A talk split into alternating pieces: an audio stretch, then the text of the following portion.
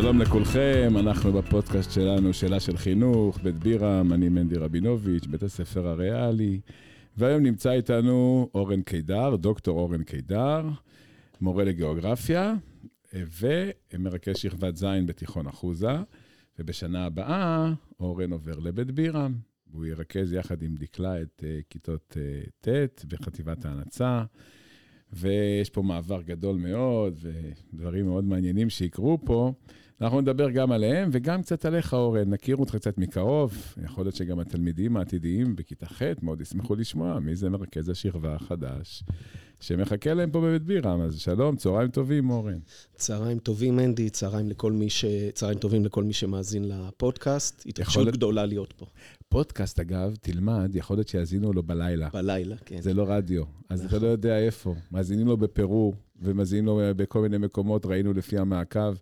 אבל לך תדע מתי יאזינו, נראה, כל אחד בזמנו, זה היופי פה. אני, אני מאזין, אה, עוקב לפודקאסט הזה, אני בדרך כלל עושה את זה ביחד עם הכביסה ביום שבת. אה, הרבה חבר'ה אומרים לי שהם לוקחים את זה להליכה ככה, ה... וזה מחמיא מאוד, שעושים גם ספורט double booking, אבל מה אכפת לנו? תגיד, אגב, יש לך איזה עניין עם פודקאסטים, לא? תספר לי, שמעתי פה משהו. כן, אה, אני מאוד אוהב לשמוע פודקאסטים. Mm-hmm. שני דברים שמאוד מרתקים אותי, אחד, שוק ההון. דבר שני, אה, קריאה מהירה, וזה באמת פודקאסטים שאני אוהב ככה, תוך כדי הליכה בלילה, שאני mm-hmm. פוגש טוב. בחזירי הבר, אז גם לשמוע פודקאסטים מעניינים, שמרימים קצת את ה... תובנה אה, בערב. אז הבנו שאתה עושה, גם שומע פודקאסטים וגם עושה הליכות בלילה. לאט לאט נכיר אותך היום. אז בוא תספר לי קצת איך הגעת לחינוך. דינמיקה של החיים. כן. אני לא, לא יכול לומר שזה היה הדבר הראשון שרציתי לעשות. אני התחלתי את הקריירה שלי בחוג לגיאוגרפיה ולימודי סביבה באוניברסיטת חיפה. למה, למד... למה בחרת גיאוגרפיה מכל הדברים המעניינים שיש בעולם? אז אנחנו הולכים עוד יותר אחורה. Mm-hmm. אחרי הצבא אני עשיתי עבודה מעניינת. עליתי על אוניית קרוזים בתור uh, מאבטח. אחר כך uh, קצין אבטחה שם, ומאוד התעניינתי תמיד לעלות לגשר, לראות את המפות הסינופטיות, לדבר עם הקפטן מה צפוי לנו מבחינת האקלים, וגמרתי אומר שזה מה שאני הולך ללמוד ברגע שאני חוזר ארצה. חזרתי, וזה באמת מה שהלכתי ללמוד. אה, תואר ראשון, שני, שלישי בגיאוגרפיה, בנושא של אקלים, של שינוי אקלים, שזה נושא חם היום מאוד, תרתי משמע. שם אי שם בים התיכון, על הגשר הפיקוד, החלטת שתלמד גיאוגרפיה. אה, אני גם הייתי, אגב, פעם קב"ט באוניות שעשועים, אמרתי לך, אבל הרבה שנים לפניך. כנראה עלינו על אותה סוכנות. אה, אני, לא, אני בערב העדפתי להיות במקומות אחרים, יותר הייתי שם באזור של ה...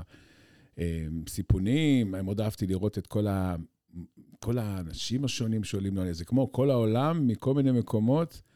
אני, היה לי את המבט של ההיסטוריון ככה, אני היסטוריון, אז אהבתי לראות את המגוון האנושי הזה, המרתק שהיה שם, ולהבין ולחשוב מאיפה אנשים הגיעו ומה הסיפור שלהם, וככה, כל אחד היה מספר איזה סיפור ככה על עברו.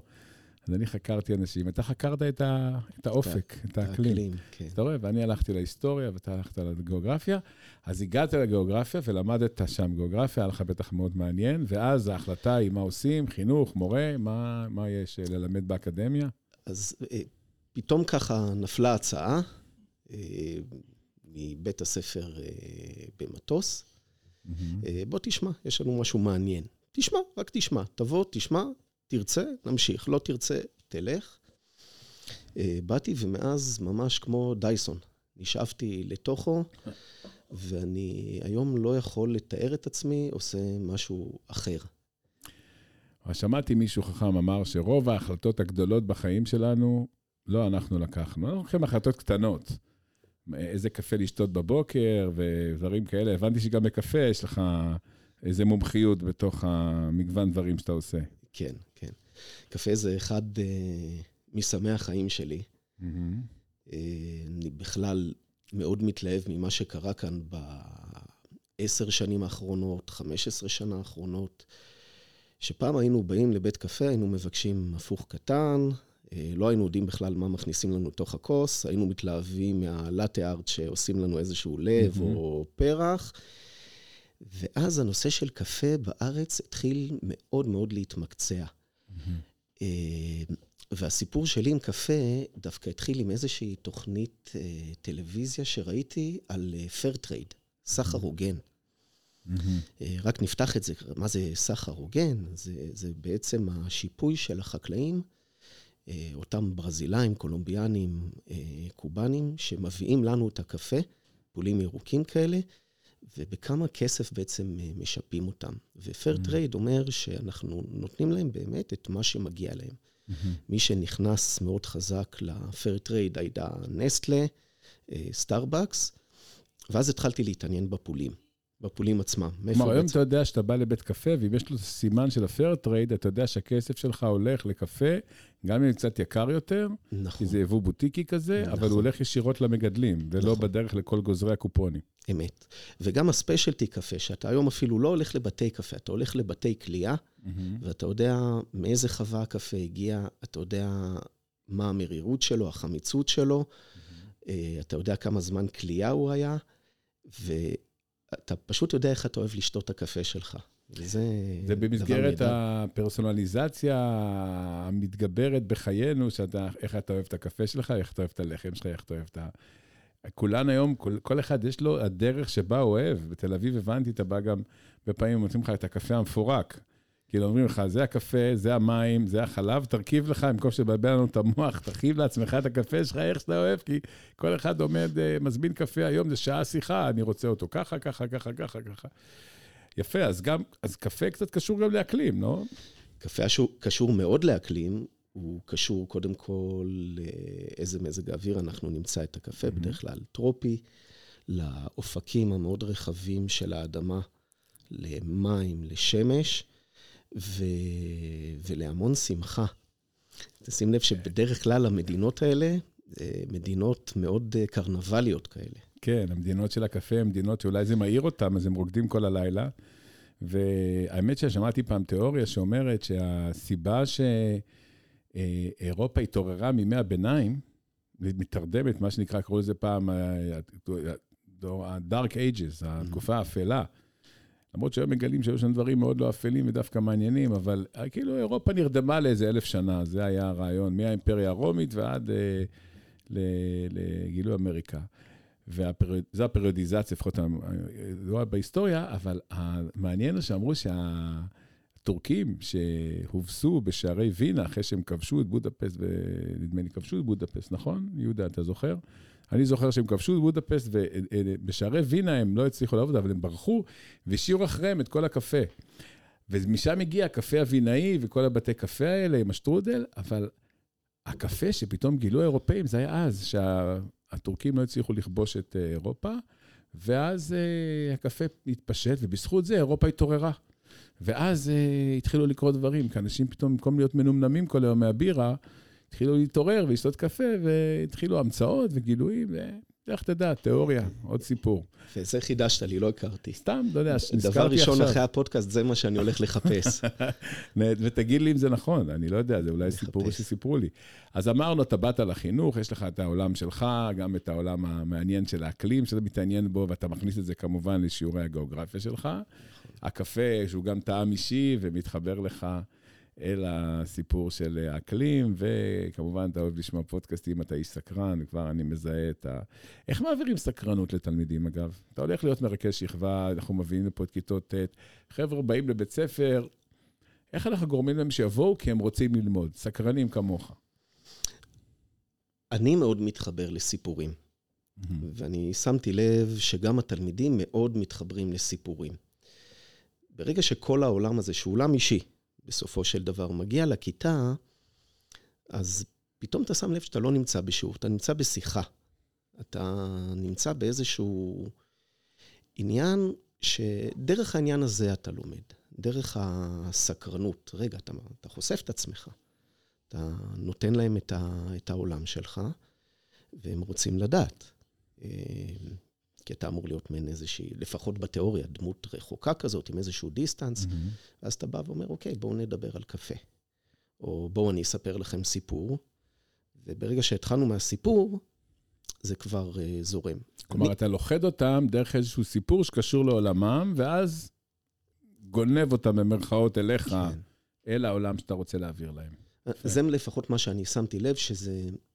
החלק הנרטיבי הוא החלק שתופס. כי כולנו גדלנו על סיפורים, אתה יודע, שאומרים לך, אם הייתי אומר לך, עומר, שמע סיפור.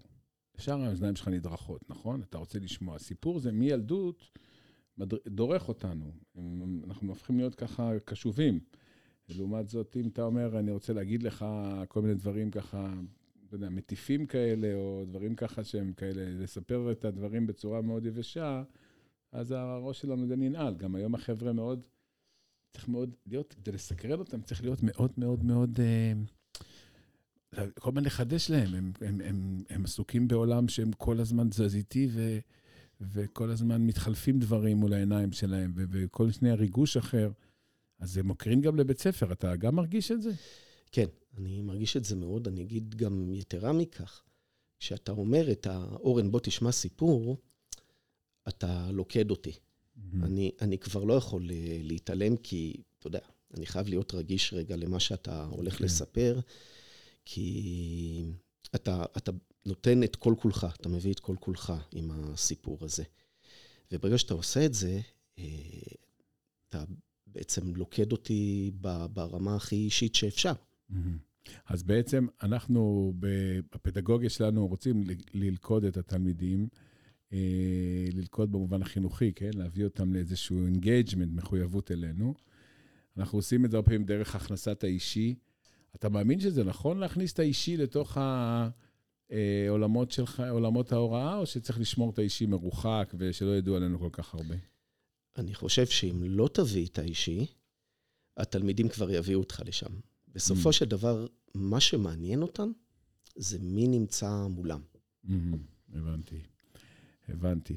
אוקיי, אז אנחנו הולכים שנה הבאה עם כיתות ט' לבית בירה, הם מגיעים מהסניף, הילדים האלה ככה שעטופים להם שם בתוך המקום המאוד אינטימי הזה, באחוזה ובהדר ובמטוס, ופתאום הם מגיעים פה אל הקמפוס הסחוף רוחות הזה, הענק הזה, אלפיים תלמידים. איך, איך נסתדר איתה? איך זה יסתדר כל העיר חינוך, העיר נוער הזאת שנפתחת פה בשנה הבאה? אז בדיוק לפני כמה שעות סיימנו את הסבב של מפגש עם כל אה, שכבות ח', כלומר, שנה הבאה שכבות ט'. כן. היינו בהדר, היינו באחוזה, היינו במטוס. ביקשנו מהם גם שאלות, מה, מה מטריד אותם, מה, מה הם רוצים לדעת לשנה הבאה, איך, איך נסתדר בעצם. כן. השאלות שהכי חשובות להם זה איפה יהיו הכיתות שלהם, מי, מי יחנך אותם, mm. מי, מי יקבלו את החברים שלהם. שים לב, המקום שהם יהיו, מי המבוגר שיהיה לידם ומי החברים שיהיו לידם. והחברים, נכון. אני, הם שאלו אותך, למשל, מעניין אותנו מה נלמד בגיאוגרפיה שנה הבאה? זה פחות. הם, הם רצו לדעת אם כן יהיה להם uh, למידה משולבת פרויקטים. אנחנו הסברנו להם שזה הולך להיות למידה משולבת תמות, כן. כלומר, מתבססת על תמות. כן רצו לדעת על מהלך היום שלהם, מתי מתחילים, מתי מסיימים, המון קטעים כן, טכניים. כן. אבל uh, מה שאמרת זה בעצם העיקר. מי הולך להיות להם כאן, עם מי הם הולכים להיפגש, ואיפה. הגורם האנושי שילווה אותם. אנחנו היום עשינו כאן יום כזה, קראנו לו יום ירוק, אתה יודע, יש יום חג בבית ספר, יום לפני הבחינה במתמטיקה, אה, כל תלמידי ישראל היום היו ביום חופש, אה, מאוד במתח, בלחץ, אה, אני בטוח שהם ככה ירגיעו את עצמם בכל מיני דרכים, וכדי שמחר הם יבואו מוכנים אל היום הדין. בחינת הבגרות למתמטיקה, שזה בהזדמנות אחרת, נעשה איזה פודקאסט, למה המתמטיקה היא כל כך דרמטית בסיפור הזה של, ומלחיצה של לימודים. אבל uh, ניצלנו את היום, המורים, אנחנו קצת ישבנו ודיברנו, ועשינו, שמענו הרצאה על חינוך אג'ילי, agile, מה שנקרא זמישות, שילוב של זמינות וגמישות. ובעצם לשבור קצת את מבנה הזמנים וסדירויות הזמן והמרחב הבית-ספרי, וגם הערכה אחרת. רעיונות שהגיעו דווקא מעולמות ההייטק, אנחנו לא מתים על זה שדברים מההייטק ישר עושים להם delivering uh, לחינוך, אבל פה היה כמה מקומות שיכולים לתת לנו השראה לא רעה. Uh, התחיל ויכוח וזה, פתח כאן דיון מעניין בינינו, על uh, בין שמרנות ופרוגרסיביים, וביניהם ואחר כך ישבנו גם לדיונים כלליים פה על מקומם של המבחנים בחיינו, על מקום הנוכחות בחיינו, כל מיני סדירויות והנחות יסוד בית ספריות שרצינו לפתוח. ובאמת, באמת, אנחנו שואלים את עצמנו כל פעם, שאלה, שאלה הגדולה שתמיד עולה זה, איך אה, גורמים לתלמידים לבוא לבית הספר מתוך אהבה ומתוך סקרנות, ולא מתוך זה שחייבים ובגלל שצריך הישגים ובגרות. יש לך איזה טיפ לתת לנו כאן, איזה משהו חדש שאתה מביא איתך אלינו? אם אנחנו מדברים על אהבה וסקרנות, אז אנחנו מדברים בעצם על נגישות לעולם שלהם. אה, ויש דבר שאני נזהר, אני פחות אוהב לומר העולם שלהם. Mm-hmm. זה כמו מעולם האימון. ברגע שאני אומר שלהם, אני כאילו מרחיק את עצמי. כן, כאילו יש שני עולמות. נכון, ואני רוצה לומר העולם שלנו. יפה. כן, אפילו שאני כבר, יש דברים שאני פחות מתחבר אליהם. אני כמובן חותר לכל נושא הרשתות החברתיות, כן. הטיקטוקים למיניהם, האינסטגרם. אה, ראיתי ש... שני ספיר, נכון? זה היה הפודקאסט הראשון. הראשון, נכון? עם הטיקטוק. כן. שמעתי בקשב רב את ה... איך היא עושה את זה. אני חושב שהיא מביאה את זה יפה. אז אה, אם כבר דיברנו על סיפור המוזיקה, על סיפור העולם של הצעירים, בואו ניקח את סיפור המוזיקה. כי מוזיקה היא באמת שפה, לא שלנו ולא שלהם, נכון? שפה יש מוזיקה. של ילדים, יש מוזיקה שלנו, אבל פחות או יותר, מוזיקה זה שפה גם בין גילאית. נכון. אה, ועכשיו נחשפתי ללהקה שהייתה פה, Maroon Five. Maroon, Maroon Five. שמעתי על אה, חבר'ה שקנו כרטיסים ב-1,300 שקל ל ring, ושמעתי על חבר'ה שקנו בפחות, אבל לא שמעתי כמעט על צעיר שלא ידע מי זו, ואתמול ראיתי כתבה עליהם, ובקיצור, הם מילאו את פארק הירקון, ומעניין אם, אה, מה קורה אם אנחנו נפגשים עם תלמיד שלנו בהופעה. זה, זה, הנה, יהודה להב, כן, תכף הוא יספר. היה שם כנראה ופגש תלמידים. מה, ובכלל, כל סיפור מוזיקה, ובכלל אתה גם בעניין הזה של מוזיקה, עוד משהו שאתה מוצא ב-24 שעות שאתה לא מחנך, לא עושה פודקאסט ולא אה, שותה קפה ולא אה, נמצא במקומות אחרים, אתה גם, יש לך זמן אה, לעסוק כן. במוזיקה, נכון? כן, אמ, אמרת יפה, זה, זה משהו שמחבר בין דורות. ומוזיקה מבחינתי לפחות, זה משהו שאצלי חיבר בין אה, שלושה דורות. סבי ז"ל חי בפרנקפורט, בתקופה שהיה מערב גרמניה, מזרח גרמניה, mm-hmm. ואבי, גם ז"ל, אה, היה נוהג לבקר אותו פעם בשנה, אה, משהו כזה, והיה חוזר עם תקליטים. אז היה איזשהו אמרגן גדול במערב גרמניה, כל הלהקות הגדולות שם, בוני אם וכאלה, היו שם, במערב גרמניה. כן. ולי היה אוצר, תקליטייה. אה, וככה אני למדתי גם להכיר קצת גיאוגרפיה, כי אתה לומד אה, תרבותית יפה. אה, לפי המוזיקה. וגם הייתי קורא את מה שהיה מאחורה באלבומים. היום פחות עושים אלבומים, נותנים יותר שירים שמכניסים אותם לספוטיפיי. Mm-hmm. וברגע שהגיע האינטרנט, זה כבר היה כאילו נכנסתי לדיסנילנד. כלומר, יכולתי לחקור על כל להקה וכל אומן שאני רוצה, אה, עם מאגר מידע אדיר. אז מה אתה עושה עם כל הידע הזה שיש לך במוזיקה שאספת, איך הוא משרת אותך? ואולי גם בחינוך, אולי גם אפשר להתעסק איתו, להכניס אותו לחינוך באיזשהו דרך? אה, קודם כל, יש לי פינה נחמדה בסוף שבוע, בדף הפייסבוק שלי, אני קורא לזה אה, רצועת סופש, mm-hmm. ששם אני נותן אנקדוטות מעניינות על להקות, אומנים, שירים מסוימים. בדרך כלל זה יהיה אומנים אה, בסגנון רטרו, נראה לי קצת פחות שומעים היום. תן לי שם של אומן כזה. אה, הזכרנו למשל את בוני אם, אה, מן הסתם פינק פלויד יכולים להתחבר לזה. והתלמידים שלנו היום יודעים מי זה פינק פלויד? הם יודעים. הם, אומר? הם, הם מכירים את הלהקות מההורים שלהם, אגב. זה מה שמחבר להורים, לסבים, לסבתות, הם, הם מכירים את זה. הם יכולים להזדהות עם The Wall, uh, We Don't Need No Education. education כן. ומה, כן, אנחנו כולנו גדלנו על זה באמת, ואפילו הייתי בא בתור uh, נער פה לבית בירם, שפבזנר עוד היה כיסאות עץ חורקים, והיינו רואים בימי שבת סרט, אני חושב שראיתי פה את The Wall של החומה של פינק פלויד. אז הנה דוגמה באמת למשהו שאפשר דרך המוזיקה אה, לתת לילדים להביע את עמדתם, או לשמוע שירים של בוב דילן, חתן פרס, פרס נובל לספרות, בכל זאת, אה, איך עוד אין בחינה של אבא בגרות על השירים שלו. אפילו שמעתי גם שירים של אומנים ישראלים, יכולים פה להיכנס, ואז אתה באמת יכול ללמד עם המון שירים ומוזיקה, אפילו לייצר הערכה הלמידה דרך שיר, שמעתי מורה שלנו, אורן עדן, שסיפר לי, מורה לאזרחות, שתלמיד כתב שיר מחאה כחלק מ... לאחר שיעור אזרחות וקיבל על זה קרדיט. מדהים. ובואו נדבר גם קצת על אקטואליה. אה, שיר שחלמתי על פראג, mm-hmm. איך אנחנו יכולים להתייחס אליו עכשיו נכון. באוקראינה. מעניין מאוד, אריק איינשטיין. ואגב, שמעתי שהביטלס התחילו בכלל ב... הם גם קשורים קצת לגרמניה, הם היו מנגנים בהמבורג. לא? המבורג? כן. זה אחד המקומות שעוד לא ידעו, שהם עוד לא היו ביט, שהם עוד לא ידעו שהם הביטלס. מדברים על חוק העשרת אלפים אה, שעות. כן. נכון? אז, אז המבורג, זה היה חוק העשרת אלפים שעות של, ה, של הביטלס. שהם ניגנו כל כך הרבה ביחד, הם כבר לא ניגנו רק חומר שלהם, הם ניגנו גם חומר של אחרים. שמונה שעות לנגן בלילה בהמבורג, אתה כבר לומד לעבוד אחד עם השני, זה גם עבודת צוות. אז איזה כיף לתלמידים שלך, כלומר, אתה באמת אה, בא אליהם לשיעור, ואתה יכול לדבר איתם על הרבה דברים שחיים בעולם שלך, מגיאוגרפיה ואקלים, ועתיר אה, רעיונות וזיקות אינטלקטואליות, וזה באמת אה, מנופים ונתיבים להיכנס לחיבורים פדגוגיים, בין היתר לתרבות הנוער. כולל, אני חושב שאתה גם עסוק קצת בנושא של ה body building, נכון? יש לך איזה קטע שם. לא body building, זה נקרא powerlifting, שזה בעצם תחום של אה, הרמות כוח, מתמקד בשלוש הרמות כבדות, של squat, bench ו deadlift.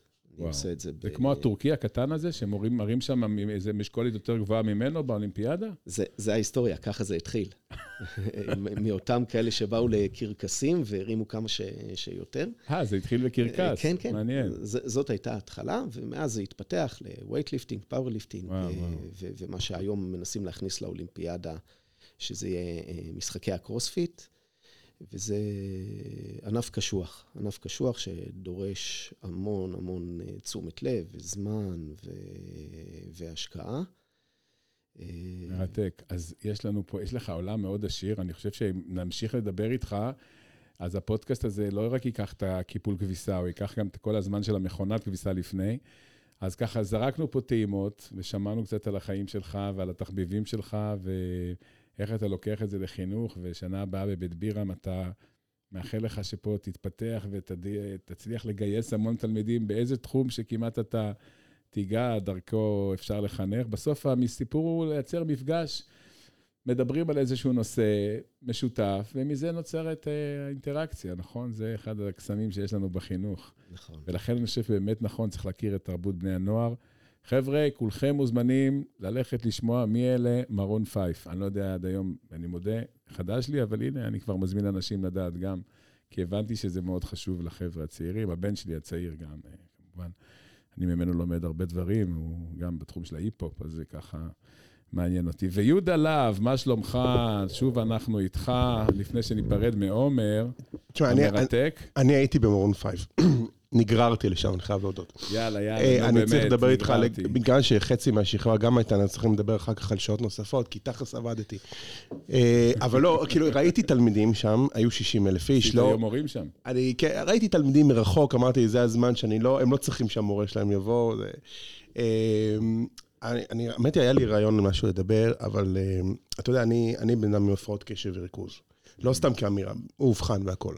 כן. ואני רוצה לתת לכם קצת הצצה למוחו של בן אדם עם הפרעות קשב וריכוז, על מה שהיה היום. כן. דיברתם על סיפורים, דיברתם על מוזיקה, הרבה דברים, ותראה, מנסה המוח של הפרעות קשב וריכוז, מנסה, הוא קופץ מנושאים לנושאים. אז דיברתם על הסיפור וחיברתי את זה לתקליטים, כי גם אני חובב מאוד מאוד גדול של תקליטים, ככה אורן ואני גם... נכון, יש לכם דברים גדולים. התחברנו, כן, וגם אתה, מדי. נכון. ומה שיפה בתקליט זה שהוא מאלץ אותך לשמוע את, אה, את כולו. כן. כי כדי להפסיק אותו, אתה חייב לקום, ללכת, ו- וללחוץ על כפתור ולכבות, ו- ואתה צריך לעשות איזושהי פעולה אקטיבית, זה לא סתם להפסיק את זה בטלפון. אחת דוגמאות הייתה מלפני שלושה ימים, אני יושב, אני שומע איזה תקליט ברגע מסוים, ואז פתאום בראש אני אומר, רגע, אני חייב, יש לי שיחת טלפון מאוד חשובה שאני צריך לעשות, אבל רגע, אני כרגע שומע שיר. בוא נחכה, בוא נחכה לפחות שהצעד של התקליט יסתיים. אומנות ההשתאות. בדיוק, אומנות, אומנות ההשתאות. ואם כבר אנחנו מדברים על אומנות השתאות, אז אה, אתה יודע, אני, אנחנו כרגע בתקופה, לפחות אחרי פסח, תקופה שתלמידים נכנסים לעולם של בגרויות, המון המון מבחנים, מתכונות ובגרויות. ואחת ההחלטות ש...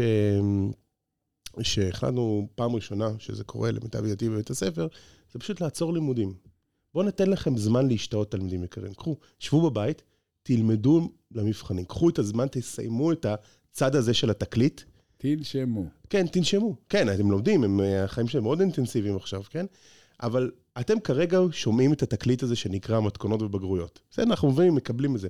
בואו תשבו בבית, תלמדו. אנחנו מפנים אתכם מהראש הלימודיים של, של השיעורים הפרונטליים. אגב, צריך להגיד, מהלך היסטורי, תקדימי. לגמרי. שאתה ודורון ויועצת שגית והצוות שלכם הובלתם, מתוך מהלכי אימון שנבנה עם התלמידים, ששכבת י"א, לא י"ב, שהם כבר בצ'קאוט נכון. אווירת סוף קורס, אווירה, שכבת י"א, בהחלטה משותפת, יצאה לשלושה שבועות, תקופת היבחנות. נכון, אנחנו בדיוק באמצע שלה עכשיו, ממש לפני היום הגורלי, מחר הבגרות במתמטיקה. Uh, המאתגר יהיה מתי שהצד הזה של התקליט יסתיים. ותקופת כן. ההיבחנות תסתיים, זה לא ב-20 ביוני, זה חודש לפני. והאם אנחנו נצטרך באמת להחליף תקליט למשהו אחר ולגייס אותם חזרה ללמידה? אני מאמין שכן. אם אחרי הקורונה, שנתיים, בזום, בק... הצלחנו להחזיר אותם, אני מעריך שגם אחרי תקופת היבחנות נצליח, ואולי באמת ה-on-off כן. האלה, זה דברים שאנחנו נצטרך לאמץ. האם ניקח את הפיילוט הזה כמוצלח? יש פה הזדמנות לעשות דברים מתוך אמון ומתוך הבנה שהם יודעים יותר טוב מאיתנו לנהל את זמנם. לגמרי, נכון. יפה, יהודה. אז מרתק לשמוע מנהלת איך זה יהיה לך באמת אה, שנה הבאה, שנה של פריצת דרך, גם מהלך היסטורי עם עליית כיתות ט' אה, לבית בירם, קמפוס גדול, שמח, ואני בטוח שאתה תוכל להעניק להם המון המון מה, מהעולם שלך. איזה הערה לסיום? יש לך ככה תובנה שנצתה בך? אני חושב שהתובנה העיקרית אה, לקראת שנה הבאה, אה, שיש מי שדואג לאותם תלמידים אולי קצת מפוחדים. זאת אומרת, יש את mm. המבוגר האחראי, וזה המון עניין של אה, אמון. תנו בנו אמון, הכל יהיה בסדר. נהדר, אז אנחנו נפיץ את הפודקאסט הזה גם להורי כיתות ח'. אורן קידר, יחד עם דקלה קמה, ביחד. ילכו ויובילו את שכבת ט' פה בבית בירם, יחד עם כולנו, יהיה להם פה חוויה בלתי רגילה. תודה רבה לך, אורן, תודה רבה לך עליי.